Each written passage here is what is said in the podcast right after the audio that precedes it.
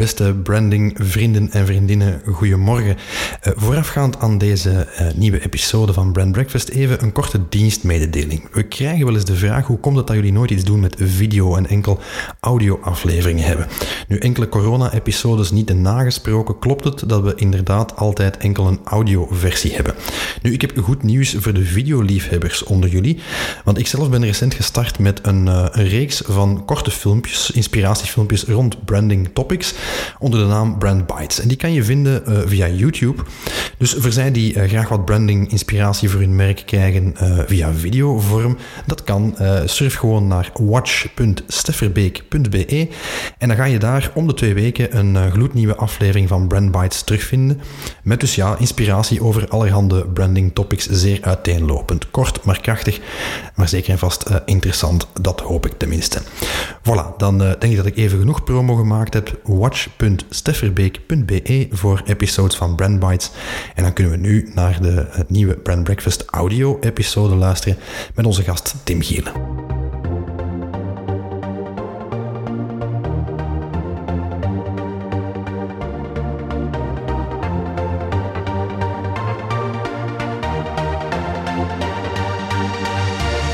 Welkom bij Brand Breakfast de Nederlandstalige podcast over branding en marketing door de merkexperts van Pavlov. Schuif gezellig aan onze ontbijttafel vol interessante topics, concrete tips en boeiende gasten. En haal meteen meer uit uw eigen merk.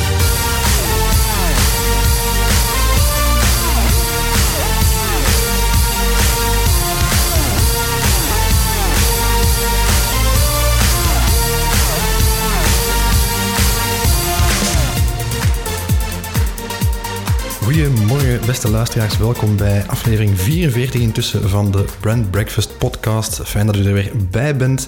Uh, we zijn vandaag in uh, een geweldig goed gezelschap van niemand minder dan Tim Gielen. Dag Tim.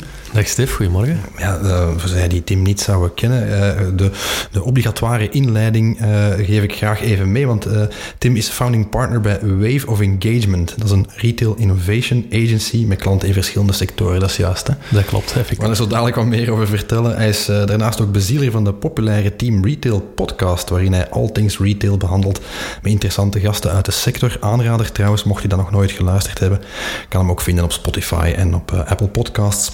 Daarnaast spreekt hij over de winkel van de toekomst als keynote speaker en is hij lid van de stuurgroep Retail Jobs of the Future aan de Peekcel Hogeschool.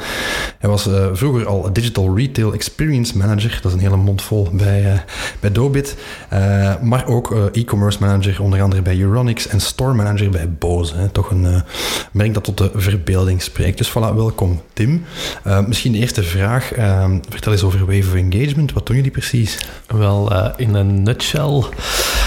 um, zijn wij een, eh, een, concept- en innovatiestudio, een retail concept- of innovatiestudio, die echt focust op de winkel van de toekomst. Okay. Dat vertrekt bij de vraag, wat is überhaupt nog de toegevoegde waarde van een fysieke aanwezigheid voor ons als retailer? Daarover nadenken, dat doorvertalen naar een functie voor die ruimte, uh, bijhorende services, uh, bijhorende nieuwe manieren van aan retail doen, en dat dan heel concreet gaan doorvertalen naar interieur, uh, tot de laatste vijs, zodat hem ook effectief gebouwd wordt. Right, cool. Ja. Zeer uiteenlopende klanten neem ik aan allerhande sectoren. Ja, klopt. We houden niet, uh, ik hou niet van hokjes en ik geloof ook dat onze problemen uh, en uitdagingen in de sector super universeel zijn. Dus we zitten mm. zowel uh, in de fashion, in de food, in lifestyle, um, in fietsen, in you name it. Right, great. ja, het is dan ook geen wonder dat we u als expert ter zaken gevraagd hebben. ik zei daarnet al, toen je binnenkwam, je stond al lang op ons lijstje. Want ik ben een ongelooflijke fan van brick-and-mortar stores. Hè. Ik weet dat ik in mijn sector daar vaak tegen de stroom inga. Ik denk dat ik je nu ergens een soort van soulmate gevonden heb wat dat betreft. Jij bent ook een believer in de, de brick-and-mortar stores. Een kleine spoiler alert. Misschien mijn eerste vraag. Um, dat soort klassieke verhaal dat je al 10, 15 jaar hoort van retail is dood. Of klassieke retail is dood. Ik ga ervan uit dat je het er net als ik oneens mee bent. Ja, ik ben, uh, ik ben er in die zin zeker oneens mee dat uh, misschien klassieke retail dood is. Maar retail is... weet je wat dat is, Retail is altijd, maar echt altijd um, in verandering. In, Ehm, ken je dat nummer van Block Party? Uh, Flux. Uh, Flux is een State of Flux, goed nummer. Uh, dit geheel terzijde. Zeg maar niks, gaat Flux straks, betekent, het is een hele intens energiek nummer en dat is ook de, het ritme van de retail. Hè. Dat, dat, bij retail gaat het altijd vooruit. En het, het hele interessante is, je bent in retail, in je fysieke winkel dan, super visibel. Je bent aanwezig, je hebt direct klantencontact en alle, alle handelingen, alle beslissingen die je neemt op hoofdkantoorniveau, op strategisch niveau, neem je uit, dat komt terecht in de winkel. Mm. Ehm, en, dat, ehm, en dat is altijd in verandering, want de, de, maatschappij is altijd in verandering. En retail verandert gewoon mee met hoe consumenten veranderen. En dat kun je, als je van 1900 tot nu gaat kijken naar alle grote veranderingen, dan ga je zien dat retail zich altijd heeft moeten heruitvinden. En dat retail in 1900 niet was wat dat nu is, en in 1940 niet was wat dat nu is, en ook in 2030 niet zal zijn wat dat nu is. Het heeft veel te maken met um, technologie, infrastructuur die verandert. Er komen wegen bij, dan gaan we shoppingcenters bouwen. Uh, er uh, er komen ERP-pakketten, computersystemen aan, dan kunnen we optimaliseren in de aankoop, enzovoort, enzovoort, enzovoort. En je ziet dat er een soort van permanente verandering is geweest in de retail, maar dat dat wel in drie, vier, vijf grote, semi-langzame golven is geweest. Maar dat dat, die hele versnelling, denk dat iets is dat ons, allee, ons, onze hele wereld uh, in de greep heeft, die hele versnelling, dat we daar wel op, ja, op een grotere, allee, op een, op een grotere of een hogere vitesse zitten, uh, geschakeld zijn. En dat de, de snelheid waarmee het nu verandert, uh, in combinatie met alles wat er op ons afkomt, Um, de merken die van, uh, de merken die van, ja, van, van rechts komen, zeg maar, die zelf ook willen gaan retailen. De, de distributeurs die zelf ook retailconcepten mm. en direct-to-concepten ja, opzetten. Van, van boven de platformen die, die, die, die naar dat segment komen, van onderuit consumenten, die ook allemaal uh, rechtstreeks aan andere consumenten binnen verkopen. Ik wil zeggen, heel, dat, heel het concept retail is zodanig momenteel langs alle kanten, klassieke retail dan, om op je vraag te mm. antwoorden, langs alle kanten wordt eraan getrokken. Maar in essentie gaan we onszelf terug heruitvinden. En ik geloof dat de mens een sociaal dier is en dat, ehm, dat shoppen of retail ook een stukje ja, um, een, een, stuk een beloning is, een stuk samenkomen, een stuk vrije tijdsbesteding en dat dat, dat gaat zijn plek vinden. Wat dat exact is, ja, daar ben ik zelf heel hard op zoek, elke dag uh, met verschillende toffe klanten. Maar dat, uh, dat het dood is, het is springlevend, denk ik. Uh, en het zal altijd zo blijven. Mm. alleen wat het vandaag is, is, is, niet wat het over tien jaar zal zijn. Je haalde al bepaalde van die golven, evolutiegolven aan. Je haalde ook aan van uh, is in continue beweging. Vaak is zo'n beweging een gevolg van bijvoorbeeld inderdaad, ja, er komen betere wegen, dus we gaan shoppingcentra bouwen. En nu technologie, e-commerce, dat soort zaken die invloed hebben. Is het niet vooral ook heel erg consumer-driven? Ik bedoel ermee van die consument verandert. Uh, dat is een beetje kip of het ei. Hè? Mm. Ik ben benieuwd hoe, hoe, jij dat ziet. Hè? Is het omdat de retail verandert dat het gedrag van consumenten uh, verandert? Of omgekeerd, omdat mensen andere verwachtingen hebben, dat winkelconcepten in de breedste zin van het woord zich daaraan aanpassen? Uh, ik denk dat het omgekeerd is, uh, zonder, zonder twijfel. Ik denk dat consumentengedrag verandert. En dat, het, het, het, is natuurlijk het is een dans. Hè. Um, en uh, wat je gaat zien, hè, Amazon bijvoorbeeld is in 1994 gestart. Dat is ondertussen al wel een hele tijd geleden. Als een boekenwinkeltje in Als een boekenwinkeltje. Er zijn geniale foto's van terug te vinden van zo'n geschreven poster Amazon van Jeff Bezos die dat daar aan een of ander gammel oude pc'tje zit. Ja. Uh, ja, vandaag domineren ze de wereld en hebben ze retail veranderd. En doordat ze retail veranderd hebben, hebben ze ook wel een soort van nieuwe consumentenverwachting gezet op het gebied van gemak, op het gebied van, oh, je kunt met één klik betalen, je kunt, al, kunt het vandaag al hebben, snelheid, dat soort dingen. Dus je hebt wel, laten we maar zeggen, uh, nieuwkomers en, uh, en die, waar dat technologie dan vaak de enabler is, e-commerce in dit geval, Amazon, die, die de wetmatigheden veranderen en die nieuwe normen en standaarden zetten, waardoor het consumentengedrag verandert en retail moet volgen. Hè. Mm. Maar het is, het, is, het is een dans, want allez, ik denk als we vandaag gaan kijken naar een consument die bijvoorbeeld uh, het hele... Ik had recent een podcast opgenomen met Nick Vinkier, van, dat is de innovation manager van Chaloup Groep in het Midden-Oosten, mm. geniale gast. En die zei van, ja, een van de storylines waar wij het op zitten te wachten, dat is de, de awakening of society, hè, dat we ook gebeuren, zonder er diep in te willen te duiken. Consument aanvaardt bepaalde dingen niet meer. Exact, en, en, en, dat is iets waar je als retailer vandaag moet op anticiperen. En als je wacht dan komt op een gegeven moment in het hoekje waar de klappen vallen. Tuurlijk. Ja. Uh, en je kunt het als een kans nemen, als het dan als het bijvoorbeeld over duurzaamheid, sustainability gaat.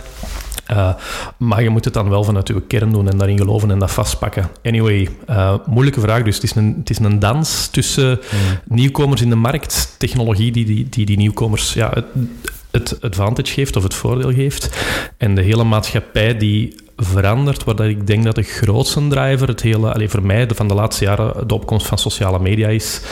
Die, ik denk dat dat, allee, daar kunnen een hele podcast aan wijden, maar die de, de consument een soort van kracht heeft gegeven en een soort van macht heeft gegeven, dat we ons als retailer niet meer kunnen permitteren van niet te veranderen. Ja. Vroeger, als ik het niet goed deed, dan wisten in Torp, dan duurde dat een paar maanden voordat in Torp mensen slecht begonnen praten over Ja, mij. ja. Uh, ik moest al mijn best doen voordat er een artikeltje van in de krant stond. Dan had ik het al wel echt uitgehangen. En vandaag hoef ik maar één slechte transactie te hebben in een winkel. één slechte interactie met Mm. ene winkelmedewerker die toevallig met verkeerde benen het bed gestapt is en van zijn baas een uitbrander heeft gekregen twee minuten ervoor die niet terecht was. En alles wat je doet in heel je executie, in heel je strategie, in- in heel je bedrijf, in heel je operatie, komt op dat ene punt Tuurlijk. loopt mis. En dat leidt in een sociale media-rel van je welste, want je, die persoon heeft misschien dan nog iets... Allee, snap je? Ja, ja, dat niet alleen. Hè. We hebben bijvoorbeeld eh, in een van de vor- vorige afleveringen hebben we Alexis Lebedov gehad hier van Ja. Facebook Belgium. Eh, die zei, ja, wij zetten volop met heel ons universum, hè, dat was toen nog Facebook, nu Meta, in op discovery commerce. Hè. Hm. Ja. Van, oké, wij zijn dan misschien geen retailer pur sang, maar wij zorgen dat er ja, ontdekking is, spontane ontdekking, die je vroeger had door met een vriendin door de winkelstraat te lopen en vitrinetjes te kijken. Eh, En dat is razend interessant. Dat is juist interessant van de andere kant, hè, om terug te komen op mijn vorige vraag. Van, ehm, eh, in, in het vakgebied branding, dus waar wij elke dag mee bezig zijn hier, wij merken heerlijk dat er enorm mediumisme is. Als in van merken evolueren om te evolueren. Er is een nieuw medium beschikbaar, dus we zullen maar meedoen uit angst om in het hoekje te zitten waar de klappen vallen. In hoeverre speelt dat in, in retail? Eh, ik kan me inbeelden, bijvoorbeeld niet elke zelfstandige winkelier zal in staat zijn van met elke trend mee te zijn, met al die technologie mee te zijn, of kan daar misschien ook gewoon financieel niet in investeren. Nee, ehm, dat klopt. Eh, ik denk dat de, allee, de, er is een gezonde basis in retail. Mhm. En dat is gewoon uw klant waanzinnig goed behandelen. Ja, customer experience. Custom echt, experience. En echt, dat kan een bakker van de, om de hoek eh, net zo goed als het best geoliede... Als een Zappos uit het USA, die daar heel erg gekend voor zijn. Ja, misschien zelfs beter. Misschien zelfs de- beter, omwille van die connectie, omwille van het moeilijk schaalbare, hè, die persoonlijke relatie, die interactie. Exact. En ik, ik geloof oprecht dat er voor zelfstandige winkeliers die gewoon een beetje hun niche vinden en hun passie vinden, dat die prima retail kunnen doen met een minimum aan, aan, aan investeringen in technologie. En dat dat ook, en dat is wel een interessante evolutie, allemaal veel, veel, veel toegankelijker wordt. Onder andere door bedrijven als een Facebook, hè, die, die een Facebook-shop laten opzetten en die inderdaad ja, het, het stukje platform overnemen van wij gaan faciliteren dat je kunt verkopen, je kunt er je productjes opzetten, foto's zetten. Wij worden meer partner van u als zelfstandigen en oké, we nemen dan wel een commissie of een marge, maar die technologie wordt eigenlijk voor de masses beschikbaar. Ehm, en of dat dan gaat over een Facebook-shops of een Shopify ehm, of een Tilroy, het maakt niet uit. Omnichannel kassasystemen die eigenlijk in, tegenwoordig in SaaS-modellen heel gemakkelijk en toegankelijk zijn. Ik denk als een klassieke zelfstandige retailer ehm, eh, moet investeren, dat dat nooit veel moet zijn. Eh, en waar ik vandaag zelf om, eh, dan op zou inzetten, als ik morgen zelf terug een winkeltje open doe en terug een winkeltje open doen, eh, dat klinkt wat neerbuigend, maar, Ehm, maar ik, mijn ambitie is om ooit terug een winkel open te doen. Oké. Ehm, ik heb tien jaar een winkel mogen uitbaten. Het was niet de mijne, maar het voelde wel de mijne. Ik was er verantwoordelijk voor. Ehm, en dat is, dat is een ongelooflijk plezante job. Je ontvangt mensen, je bent bezig. En elke, alle, elk, je hebt een, eigenlijk een veld waar je kunt experimenteren. En elke keer als je iets verandert van plaats, als je een communicatie aanpast, je kunt eigenlijk supersnel testen, itereren, dingen bijleren. Ehm, en wat ik vandaag, als ik het terug opnieuw zou doen met de kennis en de technologie die er vandaag beschikbaar is, in, op in zou zetten, is op het...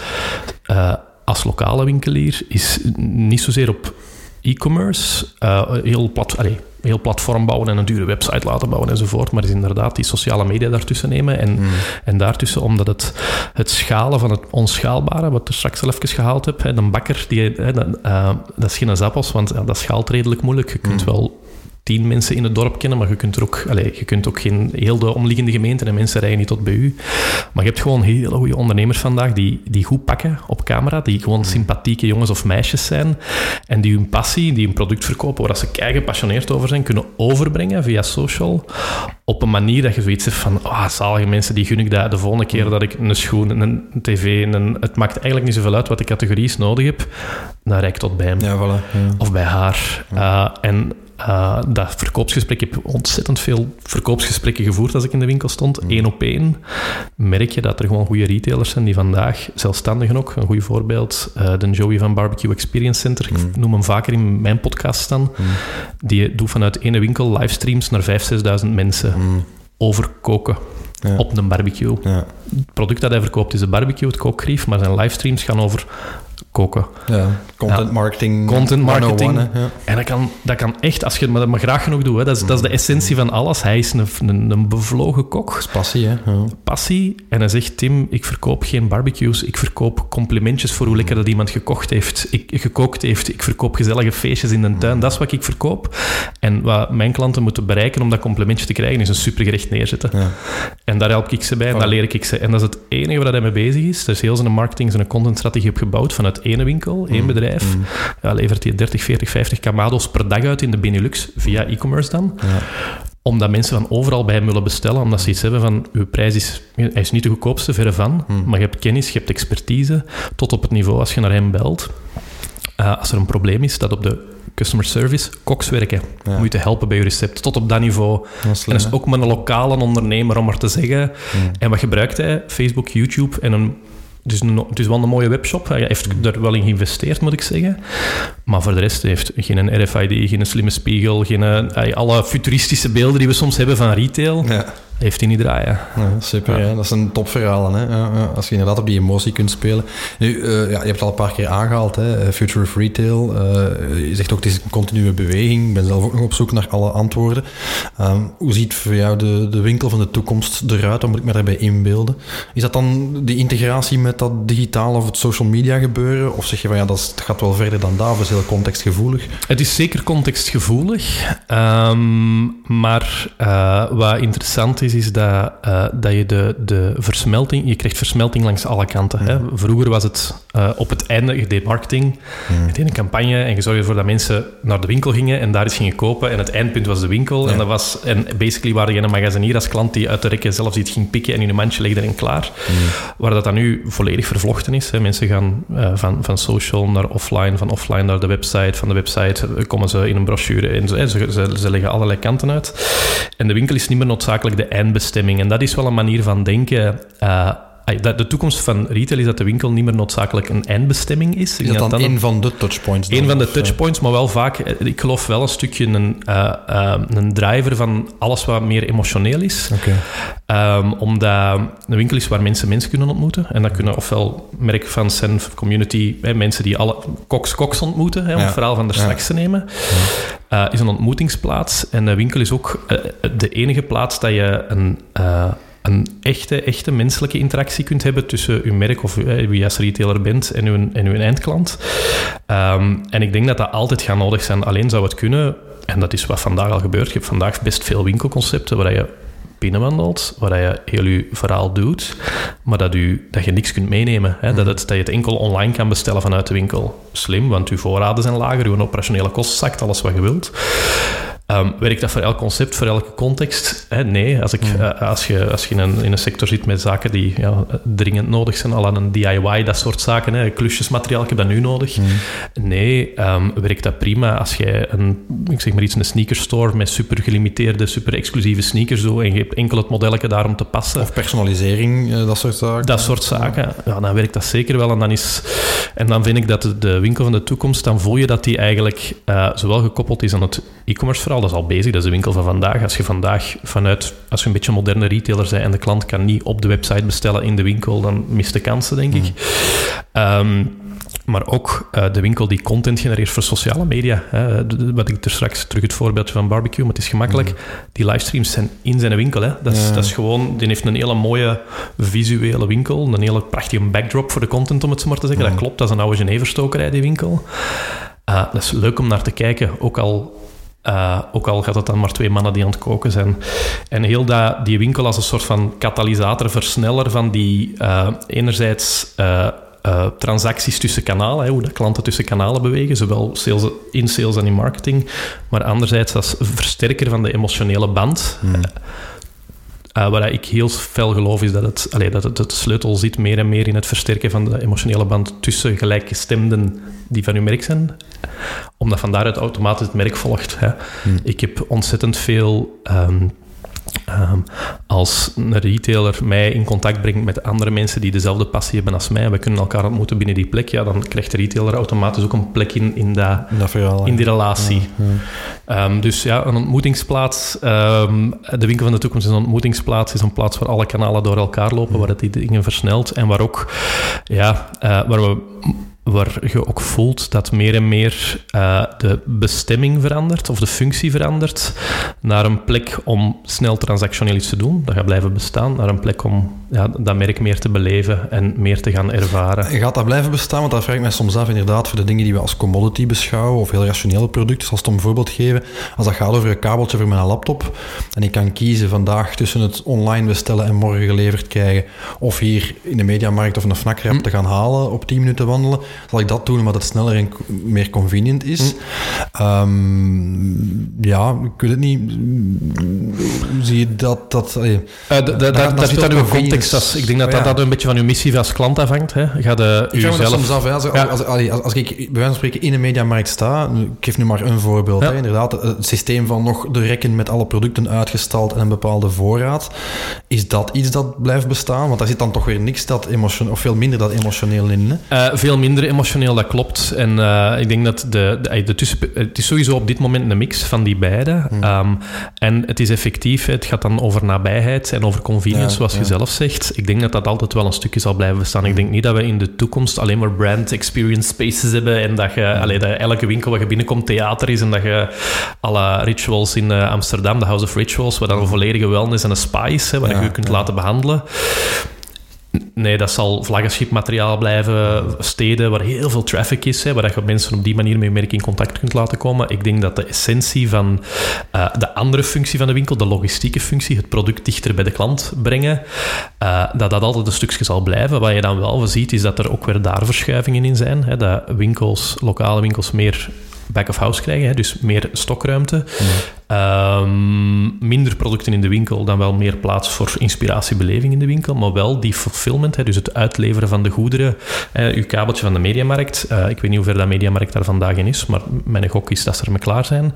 Um, uh, als we kijken naar uh, ja, Mediamarkt dan maar, het kabeltje tot hier, tot bij u krijgen via een, via een Uber Eats of via een Gorillas of via mm. een ding, dat is niet ver niet meer van ons. Nee, nee. Hè? Maar dan moet dat kabeltje hier wel in de buurt zijn. Mm.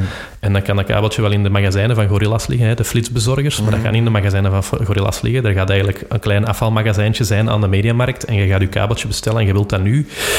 En probleem is dan wel, dan is het gewoon wie kan het mij het snelste op de goedkoopste manier leveren in dat soort typische producten van ik heb iets klein nodig, ik heb het nu nodig. Waarmee alle value en purpose wel weer ergens verdwijnt natuurlijk. Zonder twijfel, zonder twijfel. En dat wordt, dat is, dat wordt een stukje afgevangen door de platformen van deze wereld. Het zij de flitsbezorgers, het zij de Amazons, de bol.coms van deze wereld. Dat is zo. Uh, maar als je maar sterk genoeg... In, allez, ik kan mijn kolen... Ik, ik ga mijn Joey blijven herhalen, omdat gewoon mensen hebben het ondertussen door. Ik kan mijn barbecue kolen... Hmm. Uh, overal bestellen. Hmm. Echt letterlijk overal. Hmm. Maar ik vind de Joey echt een super toffe kerel. Hmm. Ik heb al zalig veel lekkere dingen gemaakt dankzij zijn super goede nieuwsletter elke week met goede recepten in. En denk ik, ik denk daar ook niet meer bij na, weet je wel? Ja, wordt een automatisme. Ja, ik ben een tijdje geleden eens, eens een keer, omdat ik daarmee met een gesprek over was, gaan kijken, kan ik ze nu goedkoper krijgen ergens anders? Ja, ik kan ze goedkoper krijgen ergens anders. Bestel ik ze ergens anders? Eigenlijk niet. Nee, nee. Oké, mooi. Ja. ja. we hebben al, al, heel veel over, over online gehad, over e-commerce gehad. Uh, wat mij opvalt, um, ja, natuurlijk door corona is er een versnelling gekomen in digitalisering van veel kleinere winkels, hè, die dan uh, eh, 2020 of 2021 met een webshop begonnen zijn. Mhm. Ik lees ook in allerhande media en via VOCA-kanalen en zo dat het merendeel daarvan niet rendabel is. Um, moet je online zijn? Of kunnen zeggen van, ja, mijn publiek bevindt zich lokaal en vinden zo wel de weg naar mij? Ehm, ik denk dat het... Ehm, ben je bezig met een hobbyproject of een onderneming? Ik denk dat dat een, dat een vraag is die je moet stellen als retailer. hè? Mhm. Ben ik bezig met een hobby en een passieproject? En bah, ik kan hier, uh, ik zeg maar iets, ik heb hier, uh, wat gaan we verkopen? Zeg maar een lukraak categorie. Ja, mijn boekjes verkopen Voilà, online. boeken, ja. voilà. ik, start, ik start lokaal een, eh, een boekenwinkel. Hè, dus, eh, en ik ben eh, super niche. Hè. Ik ben eh, hyper geïnteresseerd in branding. We pakken even brand hacking, hè, jouw boek. hè. En, ehm, en ik verzamel allerlei boeken. Ja, dat gaat natuurlijk, eh, als je heel lokaal zit, niet werken. Hè. Eh, Zeker als je niet online zit. Want hoeveel, allee, hoeveel mensen zijn er in je directe omgeving die één, super geïnteresseerd zijn in eh, brandliteratuur? Veel te weinig, Tim. Veel te weinig. Twee, hoe gaan zij weten dat jij dat hebt? Dus dat is moeilijk. En de moeilijkheid zit er maar dan ook een stukje in. Ik denk dat je als lokale ondernemer, omdat je daar een beetje op speelt, ook wel echt op die niche moet gaan zitten en moet gaan zoeken. Omdat je tenslotte alles wat je verkoopt aan een grote speler ook verkoopt, ehm, is super moeilijk om te gaan concurreren. concurreren. Kijk eens aan, ze. het vliegtuigje hadden we gezegd. Hè? Ehm, al hetgeen dat je ehm, verkoopt en een ander ook gaat verkoopt, hè, als we daar juist gaan zeggen, die consumentenverwachtingen die gezet zijn, de kans dat jij, als je probeert als winkelier dat aan dezelfde prijs en aan dezelfde snelheid en met dezelfde dingen te gaan verschepen, ehm, dat, is eigenlijk niet te doen. Ehm, het is moeilijk, het vraagt mensen. En de enige reden waarom dat Amazon zo snel kan leveren, is omdat ze natuurlijk, zij zijn een retailer die schaal heeft, operatie heeft en die vanuit het schaalvoordeel, en dan, spreken we nog, dan zwijgen we nog over hun andere businessmodellen, want dan wordt het een hele eh, uitgebreide podcast in die richting. wordt een andere discussie. Andere discussie, maar wat ik maar een beetje naartoe wil, is dat die, je kan als lokale, eh, als lokale ondernemer eh, zeggen, ik ga puur een webshop doen en die rendabel proberen krijgen. Dat kan alleen maar lukken op het moment dat jij op een niche gaat zitten waar je voldoende toegevoegde waarde biedt met je kennis, met je content, met, met, met je service rond die boeken. Misschien eh, doe je elke avond een lezing, ik zeg maar iets, van interessantere brandauteurs en doe er daar een café bij en is dat café een deel van je businessmodel. Ehm, waardoor ja, het gehele, eh, de gehele business hè, wel rendabel Ja, wordt. het is value ook- ja, inderdaad. wordt, Want het is ja. super moeilijk om te zeggen, eh, als een webshop is niet rendabel. Als een webshop niet rendabel is, dan is het ofwel omdat hem niet groot genoeg is, hè, omdat hem het schaalvoordeel niet heeft, ofwel omdat hem probeert te concurreren op prijs, eh, wat eigenlijk per, bij voorbaat een stukje een, een, een verloren strijd is. Ik zeg niet dat er iets als een ideaal prijspunt bestaat, maar concurreren op prijs of de laagste is altijd Dat is verliezen. Altijd, Altijd verliezen. bottom. Ja, Ja, ja. ja. En omgekeerd, dat je nu zegt van ik doe geen webshop. Ik heb gewoon mijn boutiqueje met kleren om de hoek. eh. Maar ik denk dat dat prima kan. Uh, maar ehm, dan is ik, ehm, ik, ik ken verschillende boutiques ehm, die geen webshop hebben, of geen officiële webshop hebben, maar die prima één op één eh, communicatie hebben op social dan weer. Daar gaan Ja, we weer. Hè, ja. Die eigenlijk eh, een... eh, maar ook geen webshop op social hebben. Hè, die dus gewoon een paar foto's posten van oh, er is een nieuwe outfit binnen, tof. om trafiek naar de winkel te krijgen. Om trafiek naar de ja. winkel, maar ook naar hun, naar hun klanten. Een beetje van, oh, we hebben een toffe en nieuwe dingen binnen. En wat doet mijn vrouw dan aan de, de lokale boutique bij ons in Nijl? En dan zegt hij, oh, super tof, dat heb ik gezien. Ik raak er niet direct om. En dan zegt hij, ja, maar ik breng het straks wel langs dan. Hè, want ja, zo, gaat, zo gaat het dan. Hè. De lo- lokale ondernemer, die heeft de kennis, die weet u wonen. Ja, En dan eh, stuurt hij gewoon een betaalverzo- betaalverzoekje via WhatsApp. ja. En dan is, wat is de vraag, is dat dan e-commerce, is dat dan social commerce, is dat dan whatever? Dat maakt eigenlijk geen Nee, uit. nee. Want zij heeft verkocht en ze heeft daar een klant kunnen bereiken. Dus eh, terug naar uw vraag, kun je niet aan e-commerce... Ik denk niet dat, het, dat je als lokale ondernemer eh, niet... Ik kan zeggen, ik ga niet digitaal aanwezig zijn. Of dat het nu op social is of een eigen website, ik denk dat dat onmogelijk is. Als je een klein beetje wilt voldoende verdienen. Eh, omdat eh, als je alleen maar producten verkoopt die iedereen verkoopt, dan moet op prijs gaan zitten om daar te concurreren en te weinig toegevoegde waarde. En als je niche gaat, dan heb je het probleem, dan moet het breder, dan moet, dan moet een afstand van je winkel groter worden om voldoende klanten te vinden. Dus je hebt altijd dat stukje digitaal, die digitale brug naar je klanten nodig, volgens mij. Hoe dat je dat ook draait of keert. Alright, makes sense. Ja, dat kadert natuurlijk in het woord is nog niet gevallen, maar in heel het omnichannel verhaal dan, hè, als we dat zo mogen noemen. Ik weet dat dat een term is die ondertussen ook al weer eh, zeggen, verketterd wordt, maar in elk geval toch eh, controversieel is. Eh laat ons even het gemak omnichannel eh, noemen. Ehm, ja, je kan daar eigenlijk bijna niet meer omheen, dat dat het, het, het systeem is. Ehm, is dat iets dat volgens jou door de pandemie finaal zijn ingang heeft gevonden? Er zijn toch heel wat mensen die de weg hebben gevonden naar andere kanalen dan gewoon de winkel die ze kennen. Ja, ja.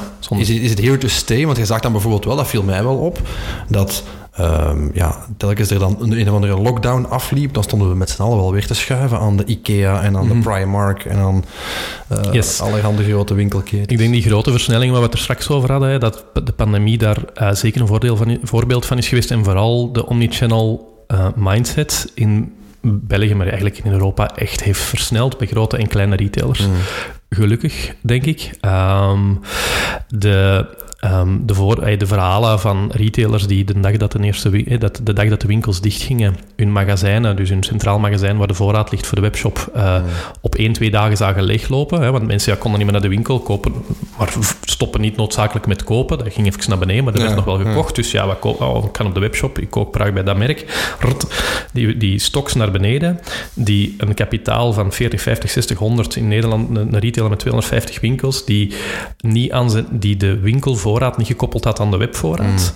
En bij gevolg, wat zit er mee? Je zit met slapend kapitaal, winkels die op slot zijn. D- veel stok. Uw website ontploft van de traffic en je kunt niet verkopen. Ja. Er zijn mensen ja, letterlijk allee, knettergek geworden. Er zijn operaties opgezet van busjes te sturen naar de winkels die vol te laten met voorraad om zo terug naar het centraal magazijn te rijden. Om u van, Ja. wat, dat, is, dat is een immense... ehm, eh, eh, een immense schok geweest dat heel veel mensen beseft hebben van alright, de, de winkel is niet noodzakelijk een given, traffic naar de winkel is niet noodzakelijk een given. We moeten klanten een kans geven om op hun manier bij ons te kopen, zoals dat voor hun op dat moment het beste uitkomt. En ik denk dat dat, eh, dat daar in essentie over gaat. En wat ik aan Omnichannel dan vooral belangrijk vind, is dat dat... eh, we zien dat altijd aan de saleskant, hè kopen. Maar Omnichannel is vandaag marketing, sales, service, customer service. Alles is eigenlijk omnichannel. En voor mij gaat het... Uw klant moet gewoon, of dat nu een marketinginitiatief, een salesinitiatief, een customer service initiatief, moet over de kanalen heen de weg van voor hem de minste frictie kunnen vinden om ofwel geholpen te worden of om een vraag te stellen. Of, En of dat hij dan in de winkel is... eh, of thuis, maakt niet zoveel uit. En de retailers die dat slim doen... Je hebt zo Perisport in Nederland. Die mannen die, ehm, als er een klant met een vraag zit online eh, over, zeg maar iets, een tennisschoen, ehm, dan klassiek bij een retailer komt dat bij customer service terecht. En customer service is een soort van vertraagde mailserver van wie in het bedrijf weet... Ja, maar die ja, mensen klopt, kunnen niet alles weten. Hè. Die, die, zitten daar om, hindernis, ja. die zitten daar om problemen op te lossen, niet om productmanager te zijn. Dus als jij een, een specifieke vraag krijgt over een product, dan gaat die door naar de productmanager van tennisschoenen. Of als er geen productmanager van tennisschoenen is, wie in het bedrijf weet er iets van. Hè. Ehm, bij Perisport hebben ze dat zo ingericht met een super, ah, super toffe technologie aan de achterkant. Van oké, we delen ons bedrijf in in allemaal mensen met kennis. En we zeggen, oké, we hebben hier een poolje zitten van de mensen die tennis spelen en die veel weten over deze producten van tennis. Die, vraag op, die vraag op de webshop komt via de chatbot binnen. Het chatbot pikt die op en dan zit die door naar dat groepje van 10, 15 verkopers.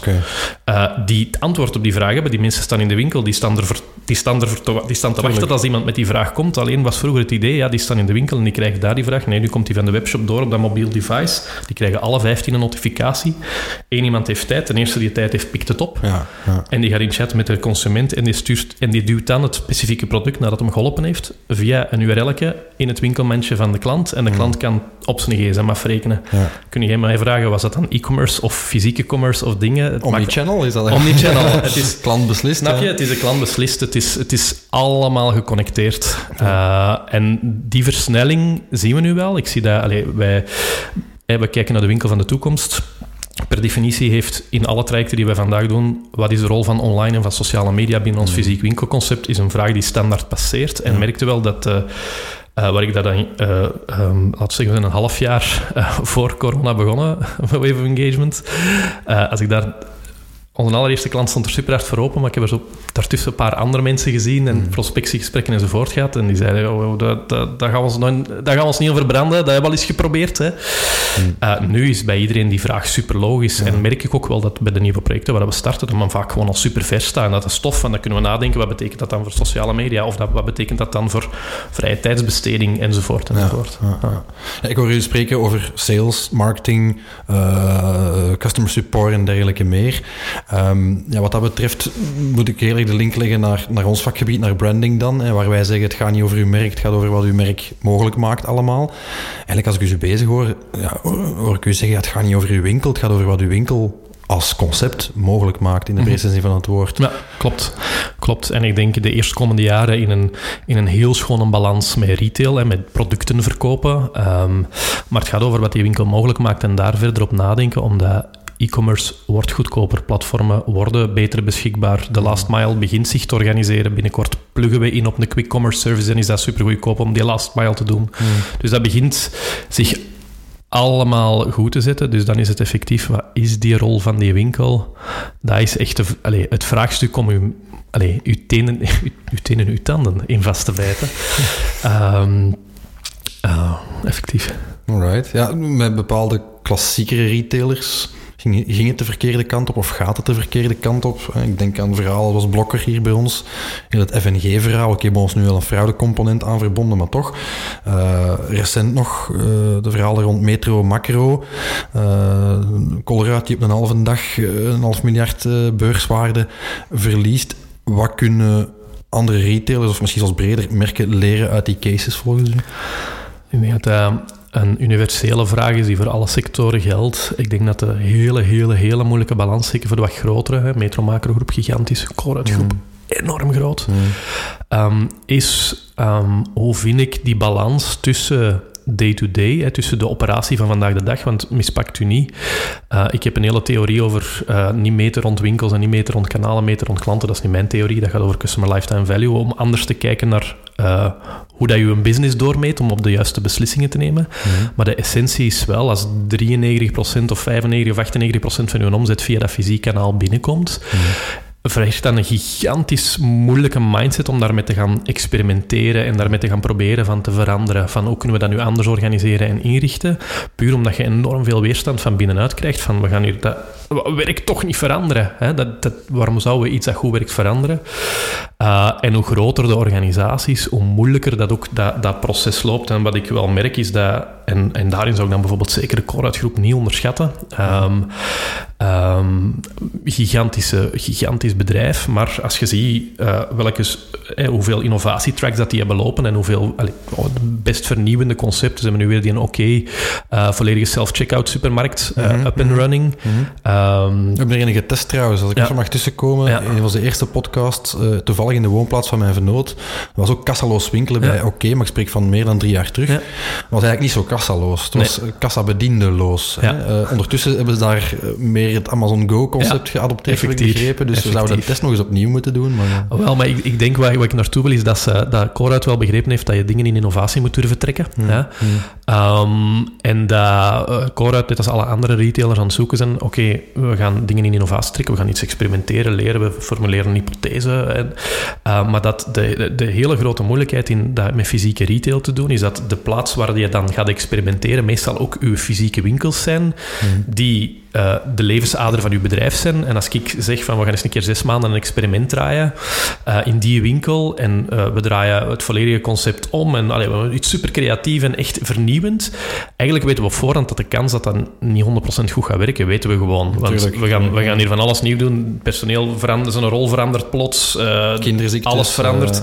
Dus je gaat per definitie in dat budget van die winkel snoeien. Die winkel gaat op dat moment zes maanden een slechte omzet draaien of een minder goede omzet. Maar na, na drie maanden leren we we. sturen bijna zes maanden, we sturen terug bij. En tegen twaalf maanden hebben we het gesnapt. En zeggen, maar dat is, godverdomme, eh, pardon, pardon my French, een mm. supergoeie manier eh, om op een andere manier aan sales en aan service enzovoort te doen. En, uh, en, we durven, en we durven dat nu kopiëren naar de andere winkels. Alleen is het geduld vaak, en dan zeker als we naar beursgenoteerde bedrijven enzovoort ja. kijken, kwartaalresultaten, het geduld om uh, en de mindset om te aanvaarden dat je eigenlijk ene winkel hebt die in een tijd minder goed gaat draaien, dat ligt echt heel moeilijk, omdat daar ook de business via binnenkomt en omdat het meten, waar ik er straks over bezig was, het meten van het resultaat van je bedrijf bij de meeste retailers nog altijd is omzet per vierkante meter, Tuurlijk, like like met vorig ja. jaar enzovoort.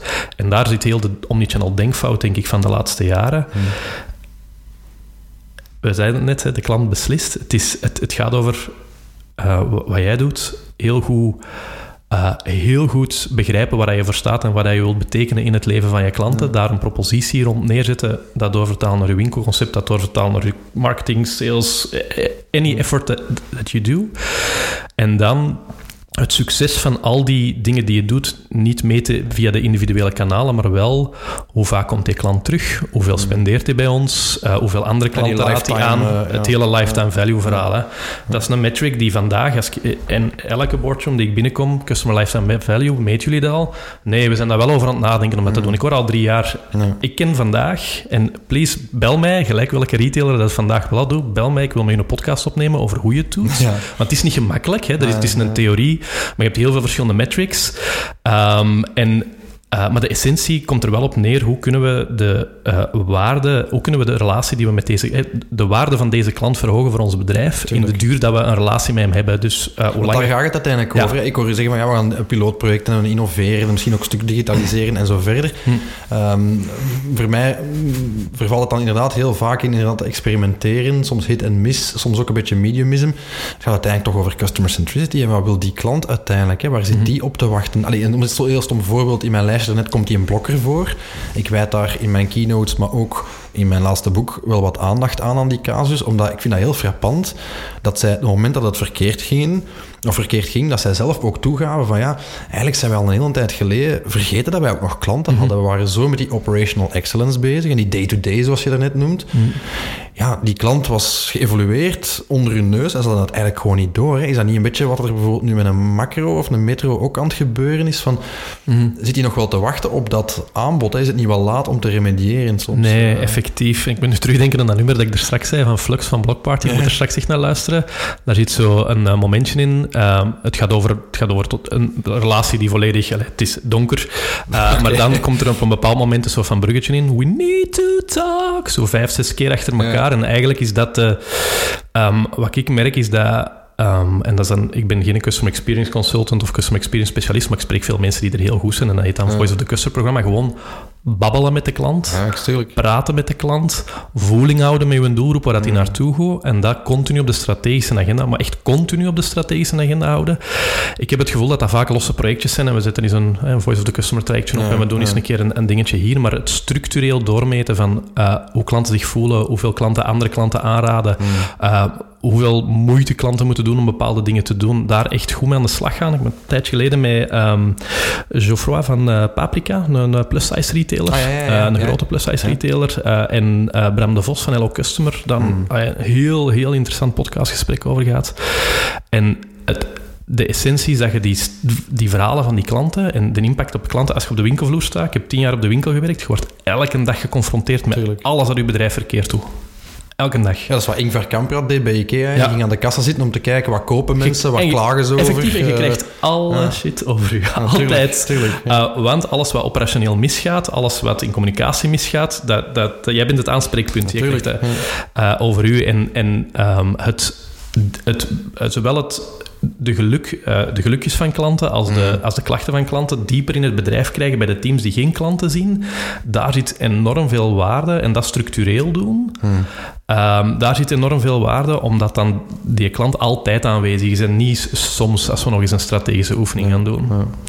Om misschien af te ronden, Tim, um, wat zijn voor u de absolute uh, gouden tips voor elke retailer? Je zegt van ja, dat snap ik niet, dat dat niet retail uh, knowledge 101 is, of dat zou ik echt vinden, dat zou elke retailer moeten snappen, begrijpen. Je hadden dat meten, dat continu meten en, en converseren met klanten al aan. Ja. Um, zijn er nog andere dingen dat je zegt van ja, dat zijn echt nu eens uh, gouden tips die eigenlijk elke retailer moet kennen? Ja, um, verder in dat meten, weten wie uw klant is. Is ja. en en uh, uw, uw systemen en uw kanalen zo inrichten dat als, als iemand in de, klant, uh, in de winkel komt, hoe gemakkelijk is het dan een winkelmedewerker om te vragen wat de specifieke interesses zijn van een klant? Of ja, hoe gemakkelijk ja. is het om, uh, allee, laten een, uh, om het dan in data te zeggen, een profiel op te bouwen, om te weten wie uw klant is en om, om die relatie, uh, om die klant te cateren met juiste content en met juiste promoties en, en, en relevanter te worden.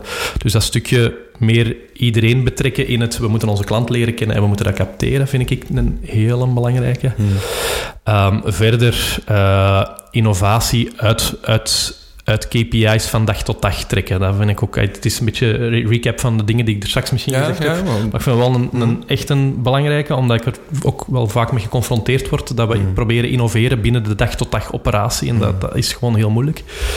Um, en verder um, is het als je niet nadenkt over de waarde die je toevoegt bovenop de producten die je inkoopt en verkoopt, ben je per definitie verloren. Ja. Dan, dan, dan ga er van tussen. Ofwel worden op, is het wat ik er juist zei, van links komen de merken, of, eh allee, van links de distributeurs, van rechts de merken. Je gaat er van tussen als je geen echte toegevoegde waarde biedt. Ja, dat is het verhaal van elk merk trouwens, hè, los van elk het feit merk. of de retailer Ja, is of niet. ja. Ja. Maar dat... eh, ehm, elke, eh, ik, ik zou iedereen zo durven aanraden om zo eens een keer zo, de, hoe noemen ze dat, premortem of dat doemscenario, wie gaat ons binnen de drie jaar kapot maken? Langs welke kant gaat het gebeuren? En wie gaat ons missen? Eh, wie gaat ons missen? Dat is misschien nog interessanter. Dat is misschien nog interessanter. Ehm, omdat... En, en voortdurend bezig te zijn met... ehm, met wat komt er op ons af, zoals dat social commerce gebeuren, daar is niemand echt mee bezig. Dat gaat echt gigantisch zijn. Je voelt dat consumenten retailer aan het worden zijn en dat, dat, dat je, je hebt YouTube-kanalen van gasten die, die eh, en livestream-kanalen op Amazon onder andere met Ja, consumenten, ja. van gasten die duizenden en duizenden artikels per, per keer verkopen dat ze daar zitten. Dat zijn retailers op zichzelf, gewoon ene persoon. Hè. Ja, ja. Uh, al die evoluties een beetje in de gaten houden en daar experimenten rond opzetten. Wat kan dat voor mij betekenen? Maar wel vanuit de experiment-mindset. Niet vanuit de, het moet morgen operationeel en, en geld opbrengen. Maar dan ook wel, en ik denk dat dat de grote uitdaging is, wat hebben we daar nu uit geleerd? Hoe gaan we dat doorvertalen waar we dan nog iets vandaag mee kunnen? En wanneer pakken we dat terug uit de kast? Om dat opnieuw vast te pakken. Want een van de typische, eh, dat is zo de, de Gartner-curve zo, eh, van het wordt eerst een hype, hè, er Ja, komt iets ja. nieuw, NFT's nu, hype, hype, hype. Binnen een half jaar zegt iedereen, amai, die NFT's, dat was een scam, zeg, dat is, dat is niks waard. Ik ben dat nu al beu trouwens. maar, eh. maar de realiteit, maar dat zit nu van boven op die eerste piek. Hè. Dus de, de hype cycle, denk je dat het heet. Dat zakt dan straks hè, in het dal van de, de teleurstelling, heet het dan in die mooie consultingtermen. Maar de essentie is dat zodra het in het dal van teleurstelling zit, is de weg al begonnen naar een heel trage, maar Stage gestage maturiteit van die technologie, van die markt. En wat er heel vaak gebeurt, en heb ik al heel veel geleerd, iedereen die tegen mij zegt, Tim, al eens een keer een kiosk geprobeerd in de winkel, heb ik tegen gezegd, je hebt het ofwel niet juist gedaan ofwel te vroeg gedaan. Het werkt voor elke retailer. En de, eh, de retailers die er vroeg genoeg zijn ingestapt, die ook een teleurstelling hebben gehad, zoals een Torfs, in het begin met die kiosken proberen leren, oh, we gaan, we gaan alleen maar artikelen verkopen op die webshop, op die kiosken, die we niet in de winkel verkopen. Ex- Web-exclusieve producten. Dat was in het begin de strategie. Een flop. Omgedraaid naar, we gaan ervoor zorgen dat we de winkels van minder stok voorzien, maar dat we wel de juiste pasvorm hebben, de juiste, hè, dat we die schoen in het groen hebben, maar niet in bruin, in het blauw en in het roos. Ja. Daardoor halen we de operationele kosten naar beneden. Die En alles op de kiosk beschikbaar. en als op de kiosk. En Torres verkoopt 30% van zijn schoenen via de kiosk. Maar ze zijn er vroeg nog mee begonnen. En ze hebben blijven zoeken. Ze hebben het op tijd terug uit de schuif getrokken. En eh, de storyline van... We hebben dat al eens een keer geprobeerd, drie jaar geleden. Betekent, dan is het vermoedelijk dringend tijd om het nog eens te proberen. Alright, super. Om, eh, als dat geen mooie afronder is, dan weet ik het ook niet meer. Eh, Tim, ontzettend bedankt voor, uw, voor uw inzichten. Eh, ik zou zeggen, en beste luisteraars, aarzel niet om eh, ja, na deze aflevering onmiddellijk de catalogus te ontdekken van Team Retail in uw favoriete podcast-app. Als u voor ons nog vragen heeft, opmerkingen heeft aangaande deze of andere afleveringen, aarzel dan niet om ons een mailtje te sturen op hello@brandbreakfast.be. En vergeet ook zeker niet om u te abonneren. Mocht u dat nog niet gedaan hebben, dan blijft u op de hoogte van alle komende afleveringen. Alvast bedankt voor het luisteren en graag tot een volgende gelegenheid.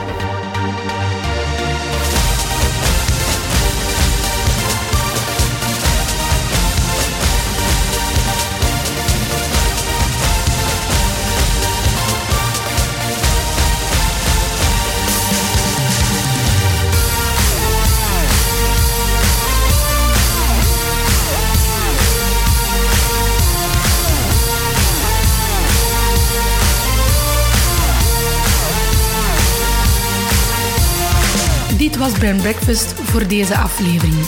Vergeet ons niet te liken of u te abonneren via uw favoriete app. Ontdek ook al onze andere episodes via brandbreakfast.be en discussieer mee via hello@brandbreakfast.be of onze sociale media kanalen.